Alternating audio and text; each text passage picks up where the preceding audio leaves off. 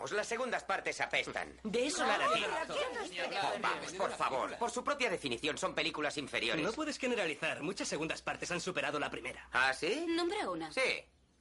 Aliens el regreso era mejor que la primera. Bueno, sobre gustos no hay nada escrito. Gracias, Ridley Scott es el rey. Nombra otra. Terminator 2. A ti Cameron te la pone dura. Muy dura. Vale, vale, de acuerdo. House 2, aún más alucinante. ¿Qué? El género de terror ha sido destrozado por las segundas partes. Ya está, creo que la tengo. La tengo. El Padrino, segunda parte. ¿Sí? Sí, es verdad. muy buena. Sí. Muy buena. Sí, muy buena. Esa está muy bien. Una excepción ganadora de Oscar.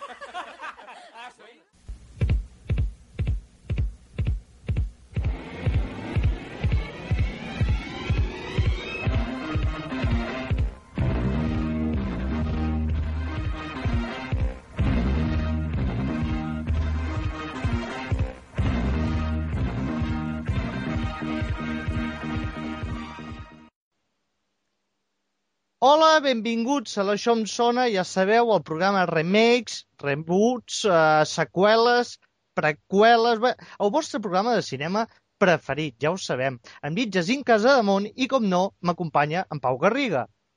Hola, Jacint, què tal? Doncs bé, i emocionat perquè s'acosta Halloween i he vist que hem tingut una pensada molt xula que a ningú se li havia ocorregut abans i que petarem, vamos, els podcasts.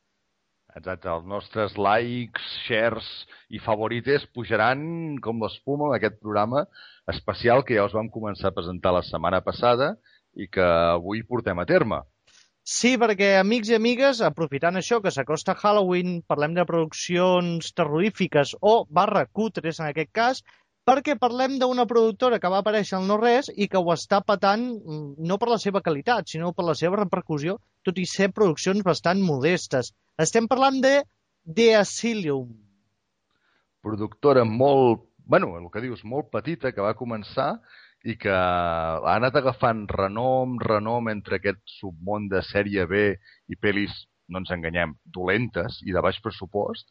I bé, s'ha convertit en un referent gairebé de xup-xup d'internet, de Twitter, i les seves produccions pues, cada cop agafen més renom. Sí, si estem parlant d'una productora que sigui com, com en podem dir, com es diuen els bitxos aquells que s'aprofiten dels altres bitxos? Com un paràsit, diguéssim. Exacte, sí, és una mica això. S'aprofita de produccions que es gasten no sé quants calés en campanyes de màrqueting per aprofitar la moda i fer la seva producció a baix pressupost. És més, un dels seus fundadors ha reconegut clarament que ell és un paràsit, que les seves produccions imiten o copien eh, altres pel·lícules, però que ells potser no ho saben amagar tan bé com ho fa altra gent. I directament, elles consci són conscients del que són. I per això, en part, tot i fer alguns productes que són bastanta merda, ens agraden. Sí, bueno, aquest últim cas de Charnado ho ha patat i ve una mica d'aquí, no?, que en vulguem parlar, perquè Charnado s'ha convertit en un petit fenomen. Eh, em volíem dedicar tot un programa a Charnado, però veient que ja s'havia estrenat per 4, vam decidir tant parlar en parlar de la productora que cap altre podcast ho ha fet.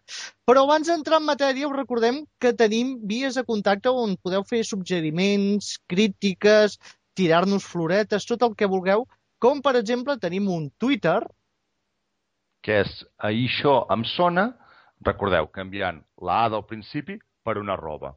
També tenim el Facebook, que és molt fàcil, busqueu això em sona, apareix un castó dins un cercle de color lila, si no recordo malament, som nosaltres. I també tenim el nostre blog, que és aixòemsona.wordpress.com, on regularment anem penjant diverses entrades del tema que tractem aquella quinzena. I per últim comentar això, ja ho esteu fent segurament, ens podeu escoltar i descarregar per iTunes i per iVox. Bé, si en cas entrem una mica en matèria i presentem una miqueta com és The Asylum i d'on surt, bàsicament. Explica'm, ja. fa molt, molt temps... En una galàxia molt, molt llunyana va néixer una petita productora. No, concretament Asylum neix l'any 97, com a productora i distribuïdora de films de terror de baix pressupost. Els seus creatius venen ja d'un altre, un altre grup de produccions, que era Village Road Show, i són David Rimawi, Sherry Strain i David Michael. No em conec a cap. No, Són no. coneguts. A casa seu els coneixen molt bé. Però què va passar? Es van trobar que a ells el que volien dedicar-se era fer films de terror de baix pressupost. Però diguéssim que el mercat estava molt i molt saturat i no, no hi havia, no, no sortia la cosa, no, no funcionava bé. Lionsgate ha fet molt de mal a les petites productores i és la que es van portar més part del pastís. Però el canvi radical i on Asylum comença a agafar entitat pròpia és l'any 2005, que ells decideixen fer una adaptació de La guerra dels mons d'H.G. Wells. Wells, Sí. perdó. Fins aquí tot normal, però si feu una mica de memòria, recordareu quina altra pel·lícula es va estrenar aquell mateix any. Clar, va coincidir amb la versió que era ja un remake que van fer Steven Spielberg amb Tom Cruise a la cap, uh, com a cap de cartell. I què va passar? Pues que es veu que la, la versió que van fer Asylum va ser un boom en el mercat del DVD i dels videoclubs. I em van demanar molta, molta, uh, moltes unitats. I cony, aquí van veure que això era un filó i que ho podien aprofitar. El que em fa gràcia és que la, la... va ser Blockbuster qui li van carregar 100.000 còpies. Recordem És- que Blockbuster, després de fer això, se'n va anar a l'aigua. Potser que tingui alguna cosa a veure, una cosa...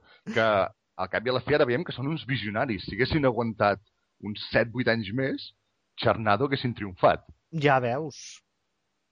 Doncs, bàsicament, els seus directius van veure això, que hi havia un públic per còpies barates, de baix pressupost, i no ens enganyem, dolentes, del que eren els blockbusters o pel·lis famoses d'aquell moment. I, per tant, a partir d'aquell moment, Asylum es va dedicar a fer això. I ha anat traient mm, produccions, bueno, 4, 5, 6 produccions a l'any, imitant o copiant grans estrenes. Que això és un concepte que es diu mockbuster, que en Jacint us en parlarà més endavant, eh? Que sí, Jacint? Oh, i tant, ja, ja ho tinc aquí apuntat, ja us explicaré. I el bo és que abans de l'èxit de, de la Guerra dels Mons, ja havien intentat tocar una miqueta aquest món fent una pel·li que es deia Vampiros versus Zombies, que imitava una mica Freddy versus Jason, i la que sí que era més còpia descarada era King of the Lost Walls, que era la versió cutre de King Kong. Però cap de les dues no va, no va acabar de tenir, de tenir èxit. Que, deixant de banda els mockbuster, eh, mm, Asylum també s'ha dedicat a fer produccions pròpies. I en tot aquest món submón de sèrie B, pel·lis de...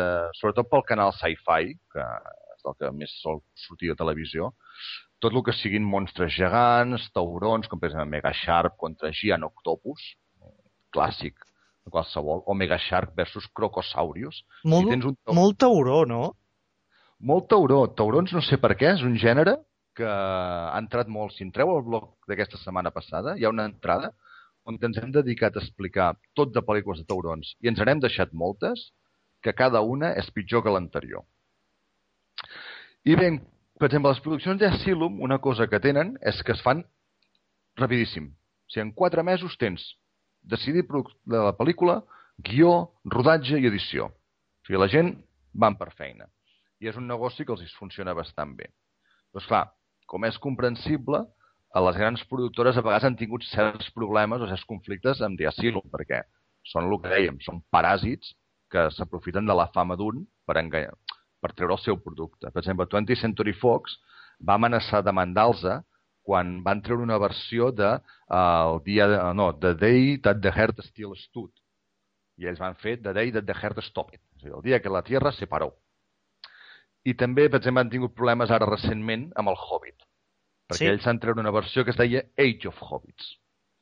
I els hi van dir que la paraula Hobbit que no la podien fer servir. Per tant, ara la pel·lícula aquesta la podem trobar com a Age of Hobbits, encara hi ha cartells que corren, o també com a Lord of Elves o Clash of the Empire, que és el títol que em sembla que al final van decidir deixar. El senyor dels elfs. O sigui, no podem utilitzar Hobbit, doncs pues, toma, elfos. Clar, elfo és una paraula que fa servir tothom, doncs tirem per aquí. A mi també em va agradar molt l'argumentació que van fer servir, perquè això dels hobbits, eh, bé, té una mica de volta. Diguéssim que J.R. J.R. Com es diu Tolkien? J.R.R. Tolkien. Bé, doncs aquest senyor va ficar hobbits a, a la raça aquesta d'éssers baixets menuts a peus peluts i després uns arqueòlegs van trobar restes d'un avantpassat de l'home que eren baixets i li van ficar hobbit en honor d'això. Mm -hmm. I ells van argumentar que ells no referien als hobbits de Tolkien, sinó als hobbits d'aquesta raça o tribu perduda. O sigui que és, mira que és donar-hi la volta a l'argumentació, eh? I bé, doncs a partir de llavors la productora s'ha dedicat a fer això, un gènere conegut com a mockbuster, del qual, la qual ara en Jacint ens en farà 5 cèntims. Bé, eh, quan parlem de mockbuster, de, de què parlem exactament? Podríem dir que és una còpia de baix pressupost d'un blockbuster. O sigui, que, tal com ha dit en Pau, una pel·lícula que s'estrenarà amb no sé quants milions de pressupost, que porten potser 3 anys treballant-hi, ve una productora petita que amb quatre xavos te fa una versió barata, però que la seva gràcia és això, que apareix un parell de dies abans. Quan tota la gent té ganes d'anar al cinema corrent a veure la nova producció, ah, es troben una còpia que parla més o menys el mateix ja en el seu videoclub o en la venda directa a DVD. Característiques dels mockbusters. Primer de tot, que són ràpids i barats de fer. O sigui, com he dit, quatre xavos, poc temps de producció, filmació i pospo i ja ho tenim. A més, no necessiten campanya publicitària, ja que els grans estudis fan la publicitat del seu blockbuster i ells s'aprofiten que tothom en parla per treure la seva producció i ja tenen la publicitat feta. També, com he dit, s'aprofiten d'això, de que la seva pel·lícula apareix normalment un parell de dies abans de que s'estreni oficialment en cinemes al blockbuster. O sigui que això, ja tenen l'atenció captada i a la que tu veus una paraula semblant, t'hi tires a cap. T'arrisques, però com que és barata, ho proves. I per últim, eh, a vegades sí, a vegades no, s'eviten conflictes legals amb les distribuïdores o productors dels blockbusters. Per què? Perquè mai apareixen aquestes pel·lícules en cinemes, sinó que van, com he dit, als videoclubs o la venda directa en DVD. O sigui que són camps diferents. Sí, o ara últimament s'està posant molt de moda passar-los a televisió. Sí, com seria el cas de Sci-Fi, que comentar que abans Sci-Fi tirava molt de produccions de Roger Corman i últimament estan apuntant cap a això, de Asylum. Mm, que a veure, si no m'equivoco, Sharktopus és d'en Corman. Sí, I després... Bé, bàsicament estem parlant gairebé del... S'anirà al mateix estil. És que d'Asylum ara van tirant més i també veuen molt d'això de Mega Sharks, de Sharktopus i aquestes coses. Són produccions molt lligades. Sci-fi és un món per descobrir que té bastanta tela. Recordem que Sci-Fi, la seva última gran proposta d'idea ha sigut convertir Waterworld en sèrie i estan tramitant-ho per aconseguir-ho. Potser funciona. Recordem que a mi Waterworld m'agrada. I recordem que Waterworld, sempre que s'ha més per a Sci-Fi, han batut rècords d'audiència. O sigui que el públic de Sci-Fi és per conèixer-lo. El públic, l'única cosa que té és que és un públic molt fidel i molt, molt actiu, molt mogut, sobretot en xarxes socials, el que, hem, el que dona vida en aquestes pel·lícules. És un sci-fi, té un públic gairebé com iniciativa, molt Am- fidel. A veure, jo m'ima- m'imagino nanos de 30 anys que viuen amb la seva mare, gordos, amb grans a la cara i que no paren de tuitejar i tenir nics absurds basats en personatges de Star Wars o El Senyor dels Anells. Mira, ves mirant també alguns tuits i uh, veus que el nivell n'hi ha d'aquest estil, però també últimament la gent està, o sigui, la joventut està pujant. Mira, per exemple, els cosplays i així, que també es mouen en el món del sci-fi, i ja ha canviat una miqueta de quan nosaltres érem joves, eh? Hem nascut fora de la nostra època. Un no, no, di- néixer... Un dia hem de discutir el fenomen cosplay. Perquè Suposo que estaràs completament d'acord. uh, a mi em molesta molt el fenomen cosplay actual perquè actualment són ties bones que es vesteixen simplement per provocar i cridar l'atenció, però que li preguntes per una sèrie una mica rara de manga i no et saben dir res. Van I allà no, a on està el provocar. problema? Uh, per mi cap problema. Però hi ha nanos que tenen el cor molt sensible i pateixen molt perquè són enganyats. Ah, esclar. Ai, Volen tenir conversa profunda sobre el manga que no ha vist ningú i nosaltres estem mirant-li la petxuga i prou. clar, si que tampoc s'atreveixen a parlar-hi, és que tampoc fem un drama. Sí, Bé, exacte. Dit això, per què no ens fas una mica el llistat de produccions que, que té en el seu currículum de Asylum? A veure, hem dividit una miqueta amb dos el llistat de pel·lícules, perquè a part de tenir una filmografia extensíssima, figueu un cop d'ull a l'IMDB o a la Wikipedia, veureu que no s'acaben mai, l'hem dividit en dos, el que dèiem, films mockbusters, o sigui, basats en pel·lis o inspirats, diguéssim, en pel·lícules ja existents, i després el que són pel·lícules originals de, de, de Asylum. deixant de banda la Guerra dels Mons, que ja n'hem parlat, fa molta gràcia comparar els dos títols de les dues pel·lícules, per exemple. Per una banda tenim que quan es va estrenar uh, Da Vinci Code, el còdigo Da Vinci, ells van fer el Tesoro de Da Vinci. Bé, O sigui, bé, o sigui, bé. tu vas... Juguen molt amb el fet de comparar els noms, de tal manera que tu puguis anar al videoclub i, o expressament o sense voler, et puguis emportar la còpia que no hi és. Et dic una cosa, la meva mare seria molt bona donant-li idees per títols, perquè sempre els canvia. Doncs mira, i, i aquest cop el que seria divertit de veure són les adaptacions al castellà dels títols, perquè si ja tenim problemes eh, traduint títols normals, imagina't adaptacions. També és veritat. Ja ho farem. En Sí, podem podem- treure hasta un article pel blog.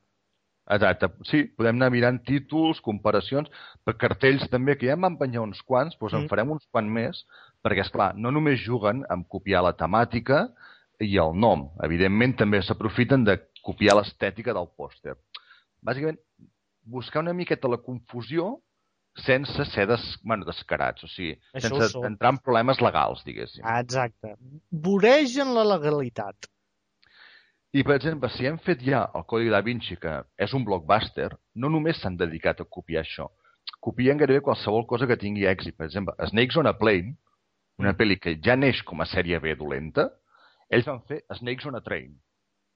I agafen una idea i la copien, diguéssim, si els agrada. Però el bo és que ho fan això, o sigui, no tenen pressupost per tenir una maqueta d'un avió o fer veure que van dins un avió, què fan? Agafen un tren que surt més barat. I ja en parlarem al final de tot, quan fem una miqueta l'anàlisi més en fons de Sharknado, que és el que em diu el motiu d'aquest especial, però deixa'ls anar a vegades amb la, com la falta de pressupost l'ajuden. Perquè aquí encara pots passar un tren, però en el cas de Sharknado hi ha algunes coses que ja us ho comentaré que, bueno, mm, ja en parlarem després. Què més? També, per exemple, s'han dedicat a copiar Transformers i ells van fer Transmorphers. Veus? Això és títol de la meva mare. Sí, podria ben ser, perquè el, un altre que tinc apuntat aquí és I Am Legend, jo soy leyenda, amb en Bruce Willis, I am Bruce Willis, en Will Smith, perdó, Sí. passat d'un negre calvo a un blanc calvo. I ells han fet I Am Omega. Bé. Vinga, anem-li fotent. I Am, Legend, Omega, i anar, anar canviant. Què més? Tenim, per exemple... Ah, per cert, de Transformers, evidentment, no s'han conformat amb la primera part. I si hi ha Transformers 1, 2, 3, també han fet Transmorphers 1, 2, 3, i anar fent. Vinga, hasta seqüeles. Hombre, i aquí són posats que ho facin bé. Que, per exemple, Terminator Salvation, ells van fer de Terminators. Estèticament són iguals, gairebé, una mica silons de Battlestar Galàctica, però fins i tot el pòster tu veuries, diries gairebé que és un frame de la primera Terminator. No només de còpies viuen també quan inspirar-se. Per exemple, te sona una pel·lícula que es deia Titanic, on hi havia un vaixell molt gros on no veia un tros de gel molt gros? Sí, sí, sí. pues, què van fer ells? Com que copiar aquesta potser era un pèl massa descarat, van fer Titanic 2. Toma, seqüela. Seqüela directament de Titanic. Que jo em pensava que seria Leonardo DiCaprio, que en realitat no s'havia mort, sinó que s'havia enfonsat a buscar el tresor, i resulta que no, que és una història completament diferent. Què més? Han fet, per exemple, un, una merda que van fer fa poc, que es deia Battleship, doncs ells han fet una de pitjor, que és American Warships. Però Que- la pregunta és, pot ser encara pitjor una còpia descarada de Battleship? Perquè ja cosa- era dolenta. ja era, és que, a veure, la, maj- algunes de les pel·lis que han copiat, diguéssim, ja són dolentes. Per exemple, també tenen una versió de, camp, de Battle Los Angeles. No sé si la vas veure amb l'Aaron Oh. Eckhart. Sí. Que no he vist la de, de Silum, però és que l'original ja és dolenta de per si. O sigui, és molt fluixa. I una que a mi m'encanta, dintre, ja acabant amb el llistat de films eh, de còpies, que és... Te sona Pacific Rim? Sí, hombre. Com pots canviar el títol per fer una altra pel·lícula? Si aquella és Pacific Rim, quina és la de Silum? Guerrillero Rim? No, Atlantic Rim. Toma, canviem el mar i ja està. I ja està. Tu, tu vas al Pacífic, doncs jo vaig a l'oceà Atlàntic i cap problema. Falta el És- Mediterranean Rim, Me, hòstia, això seria un punt, eh? patrocinat per Estrella a sobre. Mediterràniament Rim. En Callahan estaria molt content. Però, com hem dit, no només viu d'adaptar o copiar films. També tenen un llistat de pel·lis de producció pròpia, començant, per exemple, per The Apocalypse, que és una pel·li que em sembla que comentaràs alguna cosa després, que va començar a, a seguir una versió de Deep Impact, però després la van fer canviar cap a una temàtica religiosa Sí. i va fer un canvi directament de pel·lícules. Igual que amb Titanic, que van fer una seqüela, també van fer una seqüela de la Guerra dels Mons. No l'he vista, no em preguntis què, què és, però m'agrada perquè és d'aquella que és el títol de la primera, dos punts i una segona frase. The Next Wave. Que sempre queda molt bé ficar una, Però és una molt frase trist, darrere. no? A sobre que copies pel·lícules, fer seqüeles ja, ja és molt descarat. És molt exploit, és molt 70s italians. Però saps, imagina que tens un magatzem ple de maquetes o que et sobra alguna nau alien que no has fet servir? Tancar-ho allà també és lleig. I dius, hòstia, fem-ne una altra, va. I agafes i tires una seqüela. Han fet una pel·li que no, crec que haurem de veure, que no hem vist, que es diu MILF. O, ja el Que és un- títol promet. Van fer, què més? Els que hem parlat abans de Megashark contra l'Octopus, el Giant Octopus, Megashark contra Crocosauros, una de les que us parlarem més endavant, que és El ataque del tiburón de dos cabezas, i jo m'estava a punt de tallar un dels meus caps quan la vaig veure. Després, Sharnado, i la última, bueno, Sharnado és l'última producció que han fet, però ja estan preparant Sharknado 2 Sí, sí, sí, hi ha rumors. Mm, l'èxit de... Fins i tot, per triar el títol de la pel·lícula, van fer un concurs per internet, que no sé ben bé com anava, que era... Eh, tu podies ficar el subtítol a Sharnado 2. I en aquest cas va guanyar Sharnado 2 The Second One.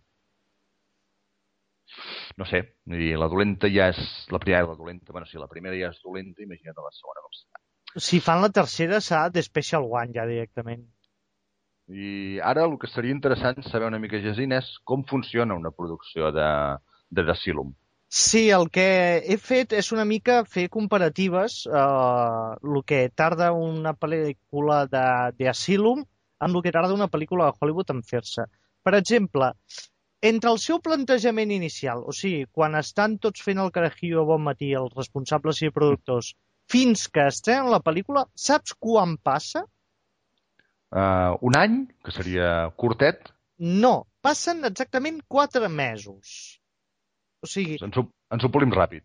si quatre mesos, per, per fer comparatives, és el que es triga de mitjana en rodar una pel·lícula a Hollywood. Només rodatge. Ells Ni fan guió, tota una pel·lícula. Exacte. O sigui, el que tarda en plantar la càmera i, i desplantar la càmera, els altres ja han fet tota una pel·lícula des de la idea inicial fins als títols de crèdit final. A Hollywood una pel·lícula entre això, que es penses, desenvolupes, lliga el càsting i tot això, siguem molt ràpids, tarden més o menys un any. I una producció ja gran pot tardar fins a uns 3-4 anys màxim. Després, el guió. Quan tarda escriure's una pel·lícula de, de Asylum? Entre 4 i 6 setmanes. Això vol dir que tenen o bé dos tios que es van tornant per escriure el guió, perquè mai deixin l'ordinador en fred, sense pagar, o bé és un tio molt encocat, perquè entre 4 i 6 setmanes escriure un guió és xapó. A veure, jo que per preparar el programa m'hem passat uh, bastantes pel·lis de Silum, mm. puc dir que no m'estranya, perquè mm, no hi ha guió, bàsicament. O sigui, és, agafem el guió de la pel·li original, o de què pot anar la pel·li original, i, i fiquem un plano de tetes i un parell de frases tontes. I ja està. O sigui, el guió, deixant de banda una que ja us comentaré que realment m'ha sorprès molt més del que esperava, la majoria de pel·lis d'Asylum, el guió, no m'estranya que el facin tan ràpid, perquè és que és només intentar copiar, quan surt el tràiler de l'altre, de què anirà, perquè Eh. no, no tenen més. Però té el seu mèrit. No, no, completament... O sigui, fer una adaptació d'una manera tan ràpida és, és increïble, i a més a més que algú t'ho compri i que t'ho posin en DVD i que tingui èxit. I com lliga caps, perquè tu el tràiler de la gran producció veus escenes sueltes i després tu les has d'anar lligant mentalment com creus que anirà. O sigui que, ojo, Mm. després... Però, per exemple, Ah, digues, digues. No, no, dir, algunes que he vist d'aquestes, el que fan és basar-se molt en la idea general de la pel·lícula i després portar-la cap al seu, la seva banda, diguéssim. O sigui, treure espectacularitat que surt més barat. Exacte. I després fer el guió una miqueta, va, doncs nosaltres anem cap aquí, que ja s'hi sembla, sí, però no és ben bé el mateix. Te comento, preproducció. Tarden res, unes poques setmanes. Recordem que la preproducció és tot el que es fa abans de que la pel·lícula sigui en sèrio i teniu tot bastant clar. O sigui, això de preparar la idea, mirar on es poden fer les localitzacions, el treball d'investigació, de creació i tot això. Doncs ells, en un parell de setmanes, quasi que ja ho tenen. Igual que la producció en si. O sigui, acabar de fer les maquetes, de tancar el càsting i tot això, un parell de setmanes ja ho tenen. I ara ve el més fort de tot, que això és flipant. Us explico. En una pel·lícula de Hollywood, una pàgina de guió, o per aconseguir més aviat 5 minuts de pel·lícula, triguen tot un dia en filmar-ho. Mm -hmm. O sigui, 5 minuts que veus en pantalles és el treball de tot un dia. Doncs bé, ells roden cada dia entre 12 i 15 pàgines. Brutal. O sigui, és a positivar, a positivar, a positivar. Per mi que no diuen ni és buena ni corten, sinó que ho fan tot el tirón. Vinga, vinga, ràpid, ràpid, ràpid. Això ja ho tallarem i ho muntarem després. Impressionant. Eficiència màxima.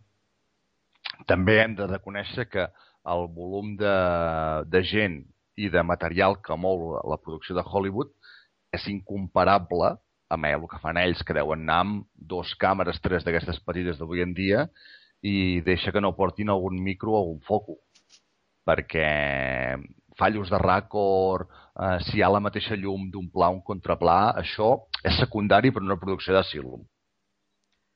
Mm, sí, i és això, que les Red One han fet molt de mal. Ara amb una Red One és que tens qualitat quasi cinematogràfica. si quasi avui en dia amb una Canon d'aquestes normals de fotos, eh, quasi pots fer una producció que pugui competir en Hollywood en qualitat també. Per 500 euros, això avui en dia amb una càmera de fotos que gravi vídeo amb alta definició, un ordinador a casa i molt temps lliure, mm, pots fer d'Asylum la teva pròpia productora. Pau, hem de fer un pensament i deixar els podcasts i fer pel·lícules. Si ens surten tan bé, ens forrem segur. Es tracta de copiar, és el futur.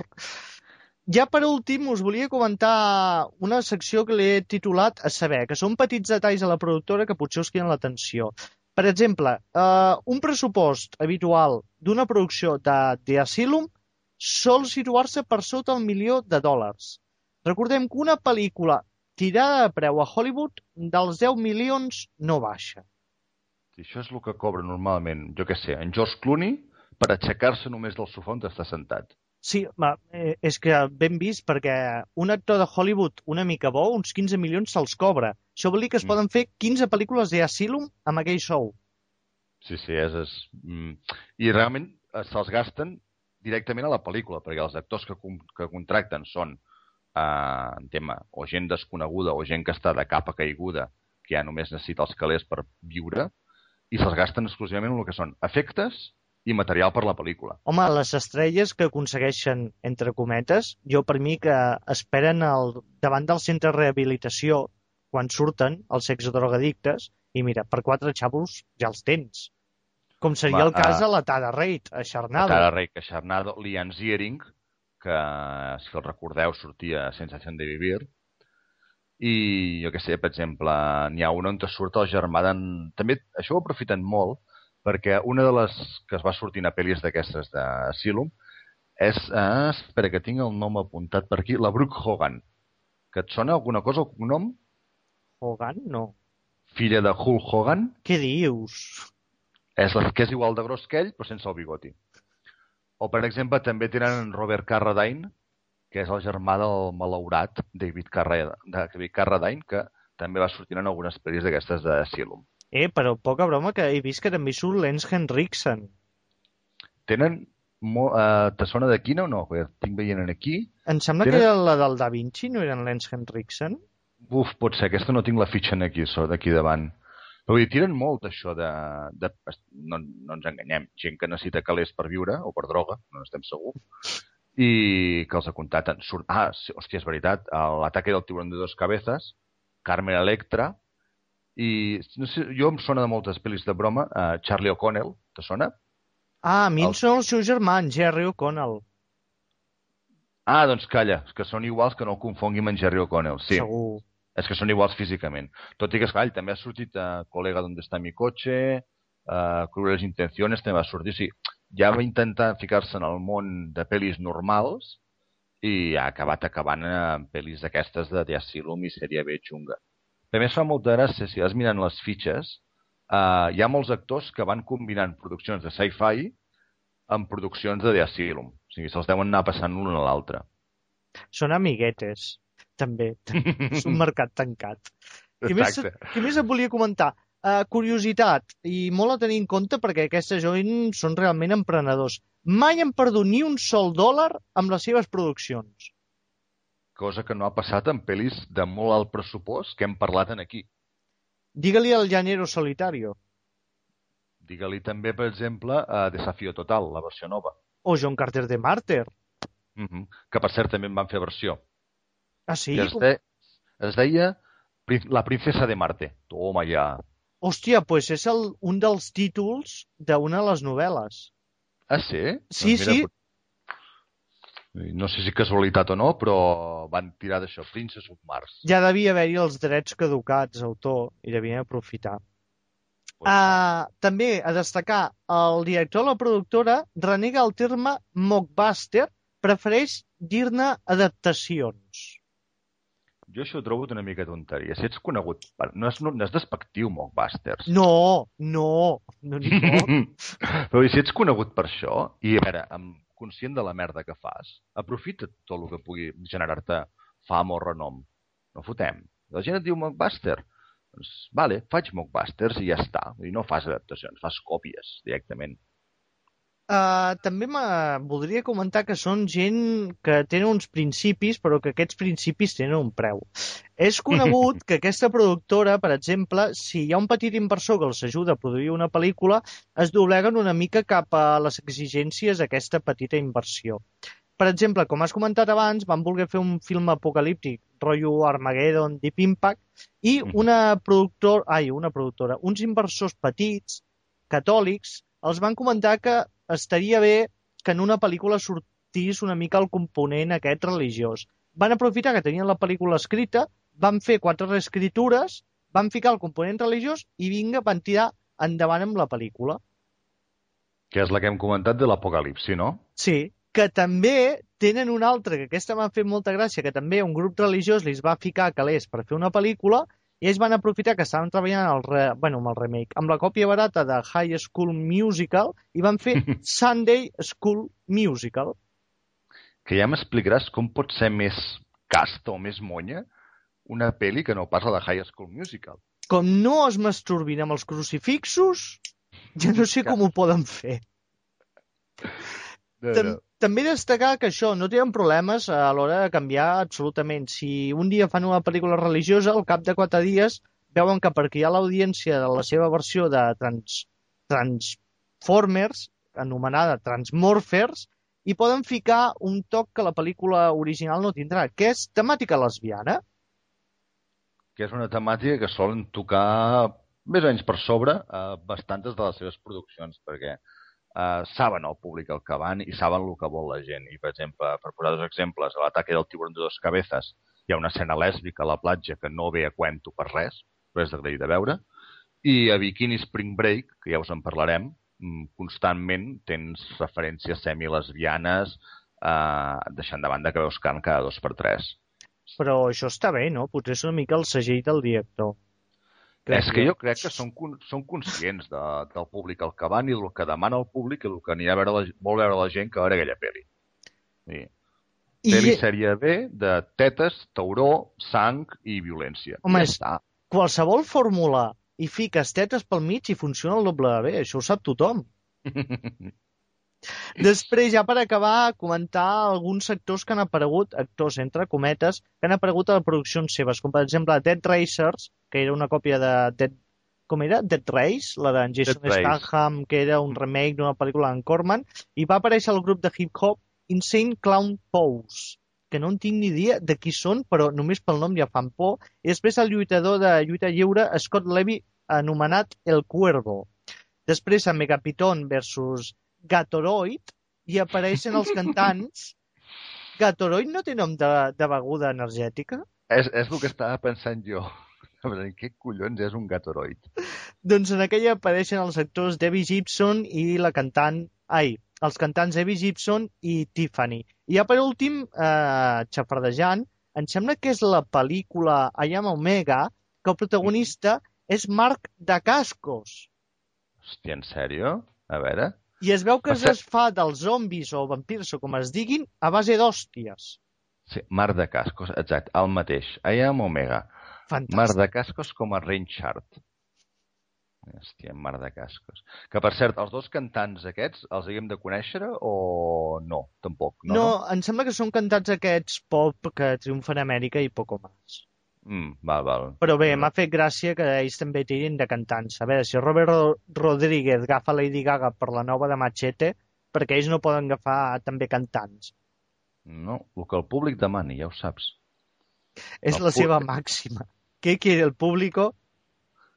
Li, do- doncs li ensenyem, que és, eh, i els hi funciona. Recordem que hem dit que no hi havia cap, eh, no havien perdut calés amb cap pel·lícula. Alguna cosa deuen fer bé. O explotació de treballadors o que tenen molt bona vista. A veure, jo crec que... Mira, Marc, tengo esta bolsita de polvo blanco. ¿Me haces una pel·lícula? I ja tiren. O sigui que quasi el milió de dòlars que tenen de pressupost, la meitat en cocaïna, estem dient? Mm, La meitat no tant, perquè una quarta part, perquè l'altra quarta part deu anar pels guionistes i el director. Ah, vale, vale.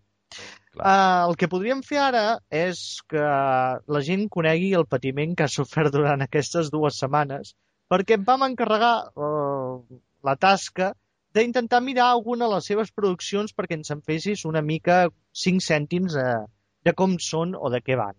I si vols, jo vaig llançant algun dels títols que tu has anat, has anat veient i et faré quatre preguntes. Què et sembla? Em sembla bé, perquè jo aquesta setmana, a veure, m'hem passat més merda que la Sasha Grey en els seus bons temps. Perquè realment la cosa és durilla. Si vols, per fer-t'ho més lleuger, començarem per la pitjor de les tres i anirem augmentant la qualitat, que ja és dir, parlant de The Asylum. I començarem parlant del mític film que heu de veure tots, sens dubte, que és Two Heads Shark Attack. O sigui, Una pels, pel·lícula... pels que no Sí. sapigueu anglès, eh, l'atac del tauró de dos caps. Ja promet. Sí, perquè és Explica. un, és un tauró de dos caps que no saps d'on surt, per començar. Però, bueno, posem-nos en situació. Sigui, una escola fa un viatge um, de final... No, final de curs no, un viatge educatiu que no saps per què consisteix en anar amb un vaixell pel mig de l'oceà amb tios catxes estúpids i ties bones estúpides, també. Joder, és I- el viatge de curs somiat per mi de fa anys. Cal ho és que no és un viatge final de curs. És un viatge d'estudis. I, a veure, eh, si hi ha un d'aquells que és capaç de sumar dos més dos, mm, seria un miracle. Total, durant aquest viatge no se sap com, ni d'on te ve, ni per què, apareix un tauró de dos caps. No en teníem prou amunt, doncs n'hi fotem dos. I què fa? Es carrega l'hélice del vaixell i ells queden atrapats en una illa que és una illa d'aquestes on no hi ha res, excepte, no sé per què, gairebé un parc temàtic. Perquè és brutal, és una illa que carda dos metres quadrats, i hi ha una casa, un embarcadero, i te diuen, és que la gente viene aquí a pescar. Dius, a pescar què? Si estàs al mig de l'oceà. Taurons a dos caps. Taurons de dos caps. Total, que bàsicament el que tenim és això. Mm, mainada jove, corrent per allà, més curts que les mànigues d'un sostens, perquè tens un de dos caps corrent per allà, i n'hi ha una que es fot a sota l'aigua a arreglar el vaixell. Dius, filla meva, tu Premi Nobel no el guanyes. El que comentàvem, tenim escena lèsbica ficada perquè sí, i el punt on se'ls va totalment la pinça, és el moment en què, no contents amb un tauró i un naufragi, fan que l'illa pateixi terratrèmols i s'enfonsi. Quan dius terratrèmols vols dir que el càmera tenia Parkinson, no? Sí, perquè realment són terratrèmols fets així, on tothom veus que no es mou res i tots fan allò de ai, que tremo- tiembla el suelo, i es van movent un cap a l'esquerra, un cap a la dreta i un fent saltets. La qüestió és que els... Ah, sí, perquè evidentment, com comprendràs, l'apartat de vestuari de les noies tot consisteix en biquinis. Home, sols faltaria, no, no esperava menys. Una pregunta, uh, alguna cara a destacar o algun component de l'equip que vulguis remarcar? De les que he vist, aquesta és la que té més, eh, entre cometes, entenem-se, famosos. Vamos. La famosa principal que surt és Carmen Electra, Vale.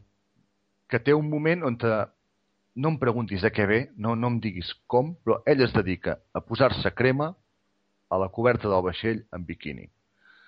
I es posa crema d'una manera que jo he vist pel·lis porno més castes que això. Directament. O sigui, nena, jo no sé qui et va ensenyar a posar-te crema tu, però deixa't anar. I surt, que també l'hem comentat fa un moment, Brooke Hogan, la que ja hem dit que és filla, filla del míting il·lustrador de wrestling, el Hulk Hogan, que per cert, ara m'ha vingut al cap, no sé si l'has vist imitant l'últim videoclip de la Miles Sirius. No. Busco per internet, espectacular. És espectacular. fantàstic. Tu imagina't el, un lluitador de, no sé què deu tenir, 200 anys ja, perquè ja era gran quan jo era petit.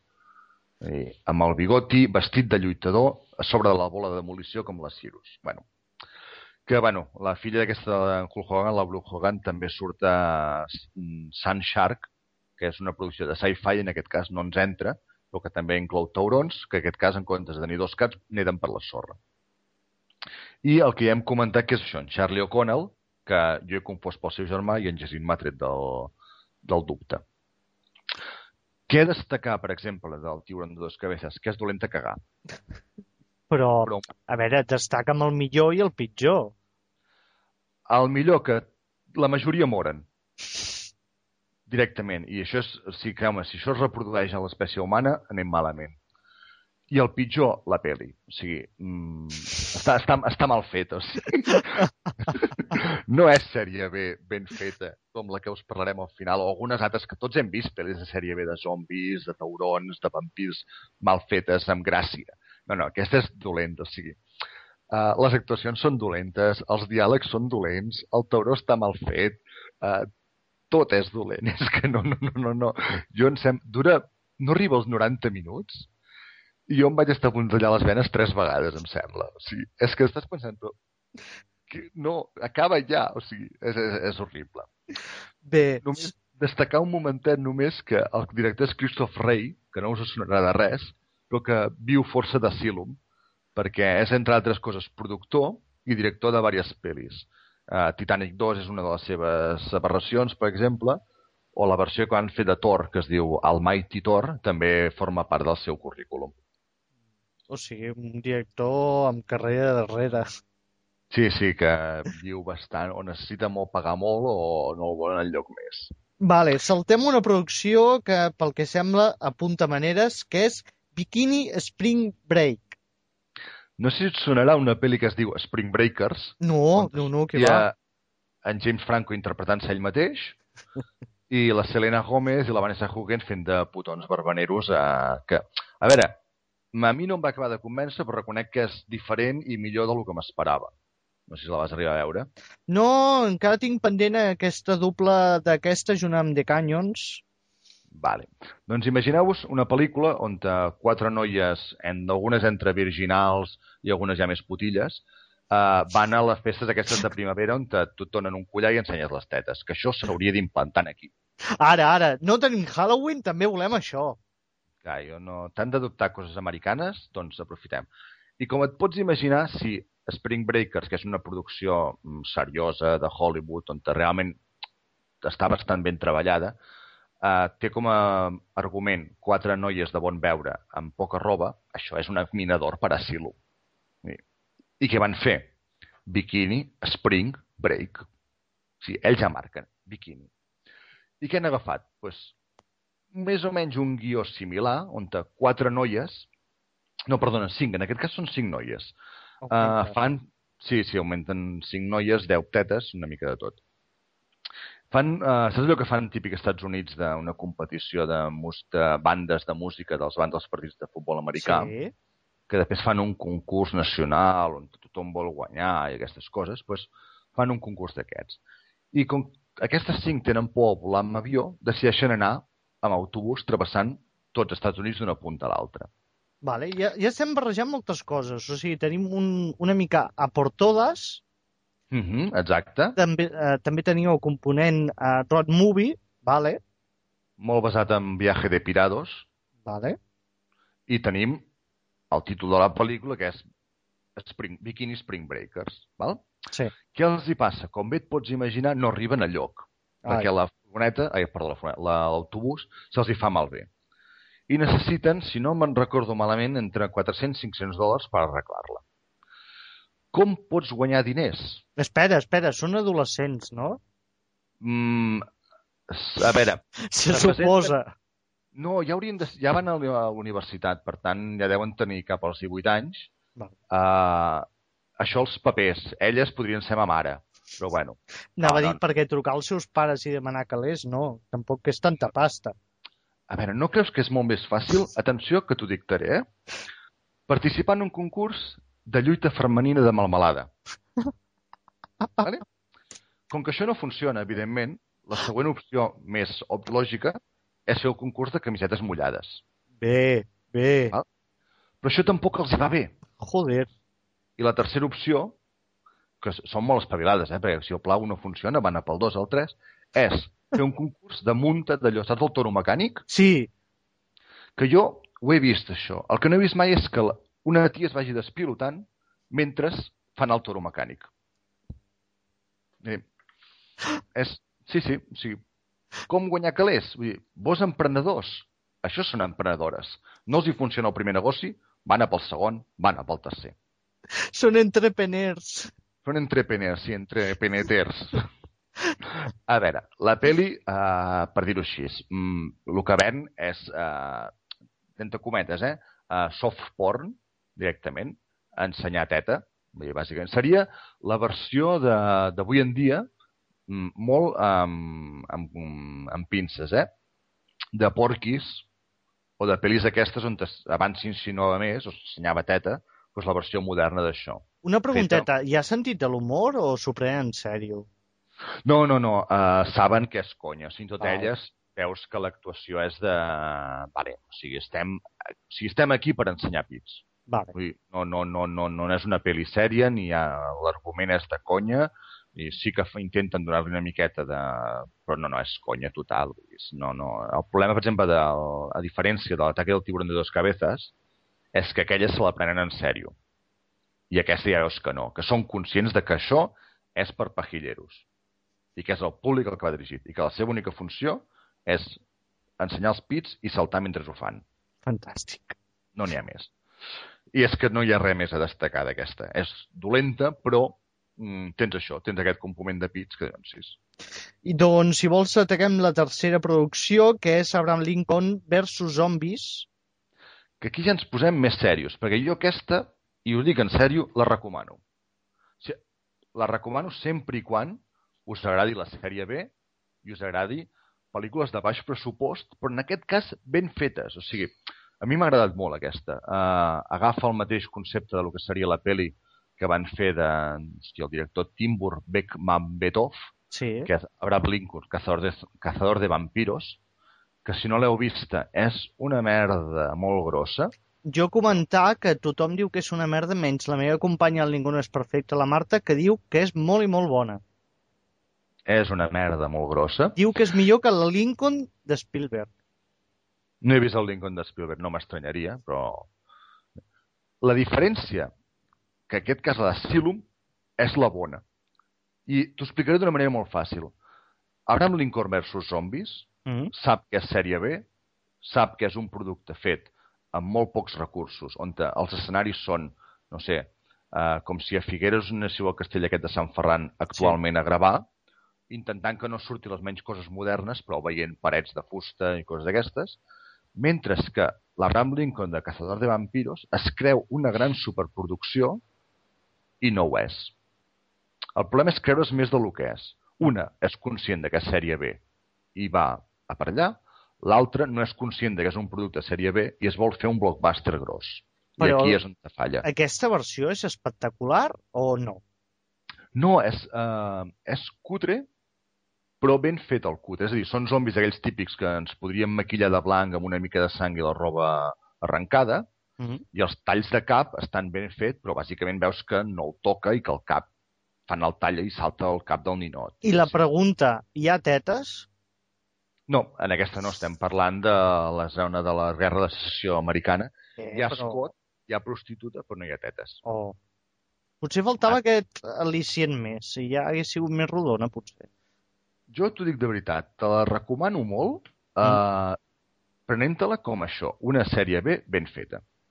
Val. I el que no recomano és l'altra, eh, directament. I hem anat de pitjor a la millor. I la millor en aquest cas, no he vist, és, no he vist gaire res més de Asylum, però aquesta la recomano. I és un producte ben fet. Una pregunteta, aquestes pel·lícules són fàcils de trobar per internet? Sí, Versió sí, jo original, doblades... Jo he trobat una mica de tot. Per exemple, uh, n'he trobat sobretot amb, amb els subtítols integrats en castellà, o subtítols en el mateix pack, diguéssim, però algunes me les he trobat, uh, per exemple, aquesta de Bikini, sense subtítols. Val. Que a veure, que no direm que costin de seguir, ni molt menys. Seguies altres coses, no? Més aviat. Seguies mugrons. No És que el diàleg-. Els diàlegs de oh my god, oh my god, ja en fem prou. vull dir, No. Però no, no, són fàcils de trobar, eh? Per exemple, jo ara tinc, és que ja posats, tinc pendents algunes de les que m'he baixat. Uh, IAM Omega és una de les que tinc pendents. I les, uh, si busques a uh, Pirat Bay i llocs així, són fàcils de trobar. Bé, doncs en encomanem als nostres oïdors a que vagin allà a buscar pel·lícules eh, d'Asylum i ens facin les seves crítiques o comentaris. Mm, I si heu vist alguna de les que hem parlat ara i voleu afegir alguna cosa, ja sabeu.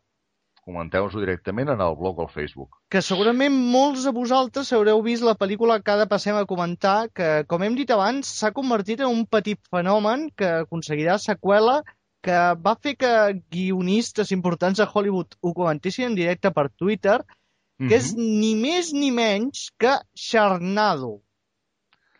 que comentem, com bé diu el seu nom de fusió de dos noms, que és un tifó o tornado ple de taurons. Ojo. Ojo. Exacte. Exacte. És que el bo no és que els taurons estiguin dintre del, del tornado i la gent que xucla el tornado se'ls vagi menjant. És que el tornado el que fa els va llançant i els taurons es mengen la gent pels carrers, per les teulades, eh, per dintre les cases. Vull dir, és, és, és que és un despropòsit tan gros Qui és no... més fill de puta, el tornado o els taurons?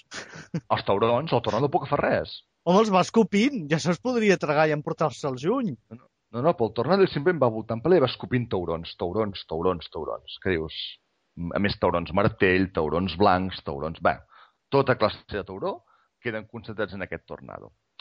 I si et sembla, fem una mica de fitxa tècnica per posar-nos a... al dia. Això ho, tinc, ho tinc preparat i mega estudiat. Si vols et començo parlant del director, que és un tal Anthony C. Ferrante, que aquest Mhm. senyor és un habitual de Silum, perquè ha rodat també les versions de Hansel i Gretel, o sigui, s'ha estalviat lo de Cazadores de Brujas, fica Hansel i Gretel i és el mateix. Després, Headless Horseman, que és la versió que han fet de Sleepy Hollow, i per últim, Habitació 333, que és una còpia descarada de 1408, la pel·lícula aquella de cases, en... bueno, d'Habitació d'Hotel Encantada, amb John Cusack i Samuel L. Jackson basant-se en un relat de Stephen King. Mm -hmm. Bé, fins aquí veiem que és un director que ja té força pràctica amb la sèrie B, al igual que el seu guionista, que és un tal Thunder, o sea, Trueno, que ja t'ho diu tot, Levin. Què ha fet aquest senyor? Doncs les pel·lícules que hem comentat com Atlantic Rim, AE Apocalipsis Heart o American, American Battleship, que és la de que hem dit de Battleship. Mm -hmm. O sigui, mai han coincidit en cap producció, però com hem vist han format bona química amb aquesta estic- pel·lícula. I s'han fumat junts, segur. Home, fumat, eh, esnifat, segurament devia córrer de tot per aquell rodatge. I, com hem comentat també abans, tenim un repartiment ple d'estrelles digne d'una gran producció, que és Ian, The uh, Ian Thiering, que és un dels protagonistes de la sèrie Sensació de Vivir, i que també Mhm. apareixia a American Pie 3. Parlant d'American Pie, la saga, també hi apareix com a altre protagonista Tara Reid, que la recordeu per això, per la American Pie, és la noia rossa guapa, que Mhm. en aquella època te la faries de peu sense gaires problemes, i una pel·lícula que a mi em té fascinat, que és Josie i les Melòdiques, que és una pel·lícula que va aparèixer també a finals dels 90, que es basava en un còmic d'Archie. Hòstia, poc em sona de res, aquesta. Sí, sí, sí, era un grup de tres noies amb poca roba, vestits de colors xillons, que tocaven música pop cutre. Hòstia, Mm. ara... Saps on també he vist que sortia? Digues. A la quarta part del Cuervo. Ah, sí, sí, sí, sí, sí, sí. amb l'Edward Furlong i en David Boreanaz. Saps què vol dir, no? Que ja corria una mà de coca, allà pastilles i coca, mengen borerans, els altres, vamos, ciegos puestos. Hòstia, en Furlong fent de cuervo. Bueno, va, tornem a Xarnado. Doncs res, això és una mica l'equip que ha parit aquesta producció super entranyable. Va, el que recordem eh, no, no deixa de ser més de lo mateix que ha fet d'Asylum tota la vida, però aquesta ha, cres ha crescut i ha nascut en el moment que a Twitter és habitual pues, comentar què fas, què veus i el que t'agradi i el que no t'agrada de la televisió. I jo crec que d'aquí ve l'èxit que ha tingut. Home, comentar, primer de tot, que no sé si ho hem dit, eh, la pel·lícula es va estrenar a televisió, a la Sci-Fi, el juliol Mhm. d'aquest 2013, i com tu dius, va tenir una repercussió bastant forta a la xarxa, perquè va aconseguir més de 5.000 tuits per minut, convertint-se en el programa de televisió més comentat de la història per damunt de Juego de Tronos. Mm. I el, prim, el dia de la seva estrena va tenir 1,37 milions de, de, de, de, no sé com es diuen, de gent que el veia, vaja. A veure, que us pot semblar poc, però estem parlant d'un d'un canal de pagament per cable. O sigui, és una brutalitat. Mm -hmm. I què va passar? Pues que la, la fama que va agafar Twitter, gent que, per exemple, en Bill Wheaton de Star Trek i l'Olivia Wilde en parlessin, pues li va anar fent bombo, bombo, bombo, de tal manera que es va tornar a reestrenar al cap d'una setmana més, pujant fins al 1,9 milions. És increïble com va anar pujant l'audiència que tenia cada setmana, perquè és el que dius. O sigui, és un canal de pagament molt centrat en un públic específic i el normal seria que l'estrena sigui bona, però que les altres revisions vagi baixant. I el cas de Sharknado és completament el contrari. Home, Cada una, vegada que... es- Digues, digues. una cosa molt curiosa és que una de les persones que anava comentant cada 5 minuts era Damon Lindelof, que és conegut pels seus guions que no tenen ni cap ni peus en grans produccions com, com era Prometheus, és seu el guió, que tampoc s'aguantava per enlloc i s'encardava el guió de Sharknado. Ell! És que, sí, sí, sí, però vull dir, clar, és el que deies, sí. És uh, la fama aquesta que tens de, de cosa cutre que fan que se'n riguin de tu quan el teu producte és pitjor, perquè Prometheus, recordem que és un cunyàs com una casa, i per cert, Alien Origin, versió de de d'Asylum de Prometheus, Ah, que sí, suposo sí, sí. per això també estava una mica emprenyat en Lindelof. Bé, però ho feien bastant d'humor. Com la mateixa Tara Reid, que amb declaracions al canal TMZ va declarar «Me alegro tanto de que la gente entendiera el humor porque es delirante. Esta película es ridícula. Es casi tan mala que resulta buena». Això t'ho diu la mateixa protagonista. I això no passa. Hi ha pel·lícules que passen, saps aquelles que són tan dolentes que fan la volta i es tornen bones? Doncs Sharnado no fa la volta, es queda amb dolenta directament. I el que a mi m'ha sorprès molt és que fins i tot el Servei de Meteorologia Nacional d'Estats Units va fer conya amb Sharnado dient que, eh, bueno, fent allò típic de si hi ha un tornado, no sortiu al carrer, tanqueu-vos a casa, i va afegir la col·legia de ploguin o no ploguin taurons. Més curiós de tot és que la pel·lícula, per primera vegada en un per Asylum, s'estrenava en cinemes, degut a l'èxit que havia tingut en televisió. Doncs la van Mm. portar al cinema i allà va ser un fracàs absolut. O sigui, no té sentit que una pel·lícula que ha congregat un fenomen fan tan gran tractar-se tractant-se del que és, després ho porten a la gran pantalla perquè tothom vagi en massa a veure-la i fer-ne conya, va punxar. Tot i així, com hem dit, hi haurà segona part. I la segona part, i és un, sí, és un fenomen, s'ha convertit, el que dèiem, un fenomen social, tothom parla de Xarnado, tothom ha vist Xarnado, i Xarnado és una puta merda, directament. O sigui, mmm, jo no, qualsevol persona, o sigui, jo, m'agradaria trobar-me algú que em defensés Xarnado com a pel·lícula. Què té de bo? O sigui, què atrau a la gent? Perquè no ho entenc. O sigui, està mal feta, està mal gravada, Uh, deixant de banda que el guió és de l'Iran, uh, això t'ho compraria, evidentment. Però ja lliga amb les produccions d'aquest estil. Però és que està mal feta. O sigui, de les coses que m'agradaria comentar de, de Xarnado, per exemple, és que hi ha planos on te tens tres plans diferents de la mateixa escena on hi ha... Representa que hi ha un metre d'aigua, val? per exemple. L'aigua arriba a la cintura. En el següent contraplà veus clarament que l'aigua no arriba ni per sobre del turmell. I per fer-te veure que hi ha el tauró, tiren d'imatges d'arxius d'aquestes de taurons blancs nedant a l'oceà on hi ha 10 metres d'aigua i un tauró nedant. O sigui, jo entenc que, la, que sigui sèrie B, però d'aquí a fer-la mal feta hi ha un tros molt gros. Dir, però la gran no... pregunta és, Sci-Fi, quan li van carregar fer una pel·lícula, tenia clar que seria una pel·lícula tan dolenta i en cas de veure la pel·lícula van tenir la poca vergonya de dir sí, us la passem igual encara que sigui horrorosa? És que no ho entenc, això. O sigui, a part de que fessin una campanya publicitària ja dient és que serà molt dolenta l'heu de veure, no ho entenc. Perquè a mi em faria vergonya passar per la meva cadena una producció dolenta.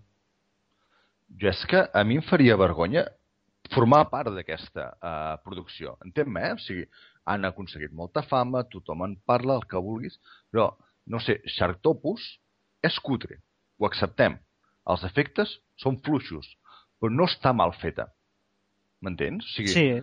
no, no té aquests fallos. Jo què sé, aquest el Mega Shark versus Giant Octopus o l'atac que vegades fan de sci-fi del, tauro, del cocodrilo gegant, són cutres. Els efectes són fluixos, tots ho hem vist, no, no, no cal ser un expert, però no estan mal fetes.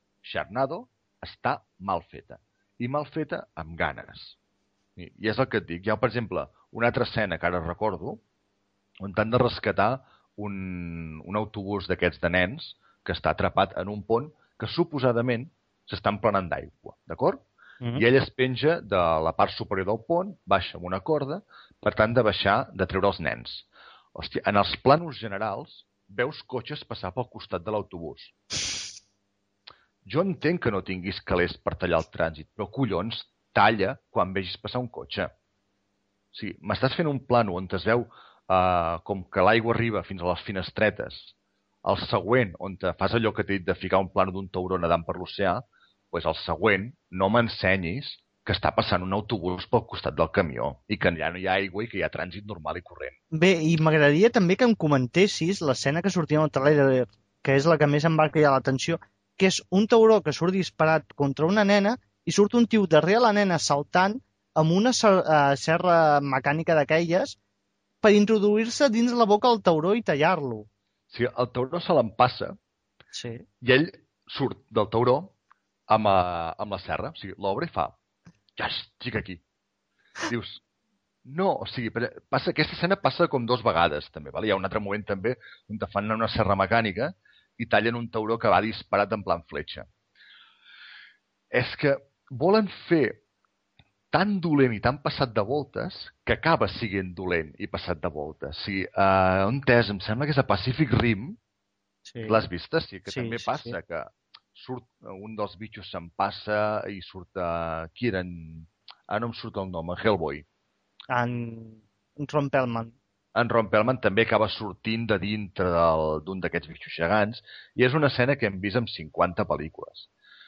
Que aquí està mal fet perquè primer veus que el tio aquell no cap dintre el tauró. Sí, és, que, sí, és una qüestió ja de física, no, no hi cap. Vull dir, està, jo ja ho entenc, eh? Vull dir, tu Head Shark Attack és dolenta, molt dolenta, però és que està més ben feta que Sharnado. Doncs si aquesta és dolenta, la segona part ja no vull saber mm, com acabarà la cosa. Jo em preocupa que, veient que aquest, aquesta manera de fer cutre eh, mal feta els ja ha funcionat, que Sharnado 2 ja sigui pitjor. Doncs si vols, ja per acabar, eh, he fet una recopilació de crítiques de Sharnado, de crítics americans, i de mitjans bastant importants, més que res per treure-li una mica de punta al tema. Si vols, ho passo a llegir bastant ràpidament. Val. Primer de tot, uh, un tal James Ponizowski o una cosa així, del Time, diu, ojo, el Time, eh? exquisitamente ridícula, es increíble, una cosa realmente inmersiva, ojo, realmente espero ver más esfuerzos como uh -huh. este. Quiero una secuela. Fantàstic. New York Daily News. Maravillosamente mala. Es absurda, ridícula. Si eres fan del terror de bajo presupuesto y te la pierdes, te arrepentirás el resto de tu vida. Li fica 5 estrelles sobre 5. No, perdona, 4 estrellas sobre 5. Ojo també. Després, a Los Angeles Times, tienes que adorar este tipo de películas locas sobre monstruos que ofrece, ofrece sci-fi, porque sabes lo que vas a ver. Hay agujeros evidentes en la trama, pero este es el punto en estas películas, los fabulosos comentarios que generan frente al televisor. Com les ràdios abans que tothom es reunia al seu voltant per comentar el que es deia. Mm. Després, Entertainment Weekly, uh, hora y media de diversión, Charnado se añade a la lista de histéricos y poco cerebrales dramas de monstruos de sci-fi en los que merece la pena invertir el tiempo. Y ya para acabar, The Independent, que no es un diario catalá, lo que consigue Charnado es combinar fantásticamente frases bobas memorables con algo de divertido comentario social. Cágate, Lorito. Sí, vols saber què és tot això? Gent que s'apunta al carro de la fama aquesta que ha tingut, perquè o sigui, és impossible que una persona sèria d'aquest... És que són publicacions sèries, és el Sí, que diu. sí, és que és això, eh? no, no som dats pel cul. Són Sí. gent que treballa en mitjans importants.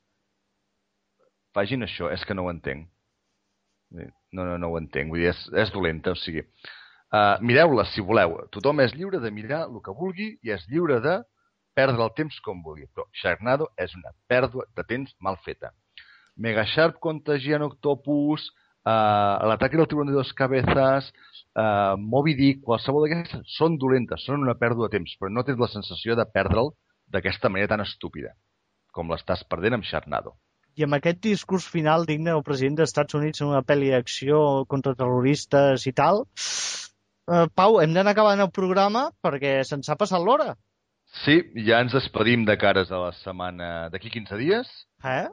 on te tornarem al nostre guió habitual de comparar una pel·lícula i el seu, en aquest cas, remake. Que aquesta ocasió serà Carrie versus Carrie, Brian De Palma versus la nova pel·lícula amb Chloe Moritz, que bé, a veure què aporta de nou, si és més fidel a la novel·la de Stephen King o també s'ho pren més a la lleugera. Recordeu-nos, voleu parlar de pel·lis d'Asylum, voleu defensar Sharknado, voleu criticar Sharknado, ens teniu al Facebook, al Twitter i en el blog, on ens trobareu sempre. I dit això, ens despedim fins d'aquí 15 dies, que ja serà quasi Halloween, i res, tocarà parlar de Carrie. O sigui que, Pau, ens parlem. Parlem d'aquí 15 dies, Jacint. Que vagi molt bé.